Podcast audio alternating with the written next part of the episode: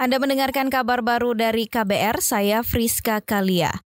Saudara Presiden Joko Widodo mengaku telah menerima laporan keterlambatan pembangunan hunian tetap untuk korban gempa Palu yang terhambat akibat tak adanya kejelasan lahan.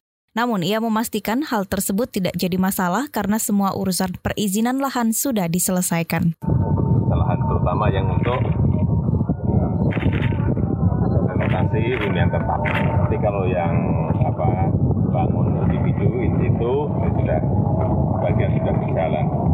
Tapi tadi saya pastikan dari Pak Gubernur, bupati yang ada, dan satu menteri, alhamdulillah sudah urusan lahan sudah rampung.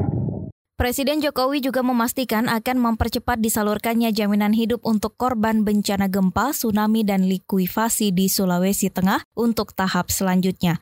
Usai mengunjungi hunian tetap di beberapa kelurahan di Palu, Presiden Jokowi dan rombongan pulang ke Jakarta. Sementara itu, Saudara Komisi Nasional Hak Asasi Manusia Komnas HAM memberikan rekomendasi terkait pengusutan demo memprotes hasil pemilu yang berujung rusuh 21 hingga 23 Mei lalu kepada Presiden, Kepolisian, penyelenggara pemilu dan pemerintah Provinsi DKI Jakarta. Komisioner Komnas HAM BK Ulung Hapsara menyebut rekomendasi dari Komnas HAM agar kepolisian memiliki dasar lebih kuat untuk mengungkap tuntas peristiwa 21-23 Mei mulai dari yang mengorganisir pelaku di lapangan hingga siapa dalangnya. Kepolisian yang pertama harus mengungkap tuntas siapa pelakunya, termasuk dalamnya pelaku penembakan maupun kerusuhan yang kemarin. Terus yang kedua menindak tegas siapa pun aparat kepolisian yang bersalah dalam peristiwa 21-23 Mei. Apakah dengan disiplin atau dengan hukuman yang lain, kami serahkan kepada kepolisian. Yang ketiga, kami meminta kepada kepolisian untuk melakukan peningkatan kapasitas kepada para anggota kepolisian sehingga mereka punya keterampilan dan pengetahuan ketika menghadapi masa. Komisioner Komnas HAM BK Ulung Hapsara menyebut untuk rekomendasi kepada Presiden agar ada langkah-langkah strategis supaya proses demokrasi yang ada di Indonesia lebih ramah pada HAM. Sedangkan rekomendasi Komnas HAM pada penyelenggara pemilu yaitu KPU meminta agar membuat sarana ketidakpuasan masyarakat lebih terkontrol dan terkanalisasi dengan baik. Untuk Pemprov DKI, kata BK, gubernur harus memastikan ada SOP di rumah sakit terkait penanganan korban, karena di beberapa rumah sakit tak ada mekanisme terkait penanganan korban kerusuhan.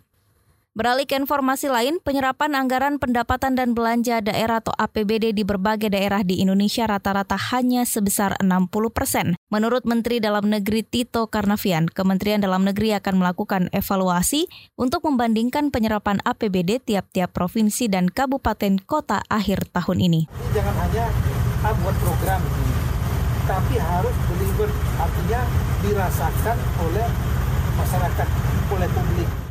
Menteri Dalam Negeri Tito Karnavian menambahkan pemerintah akan mengubah regulasi yang menghambat sinkronisasi antara program pemerintah pusat dengan pemerintah daerah.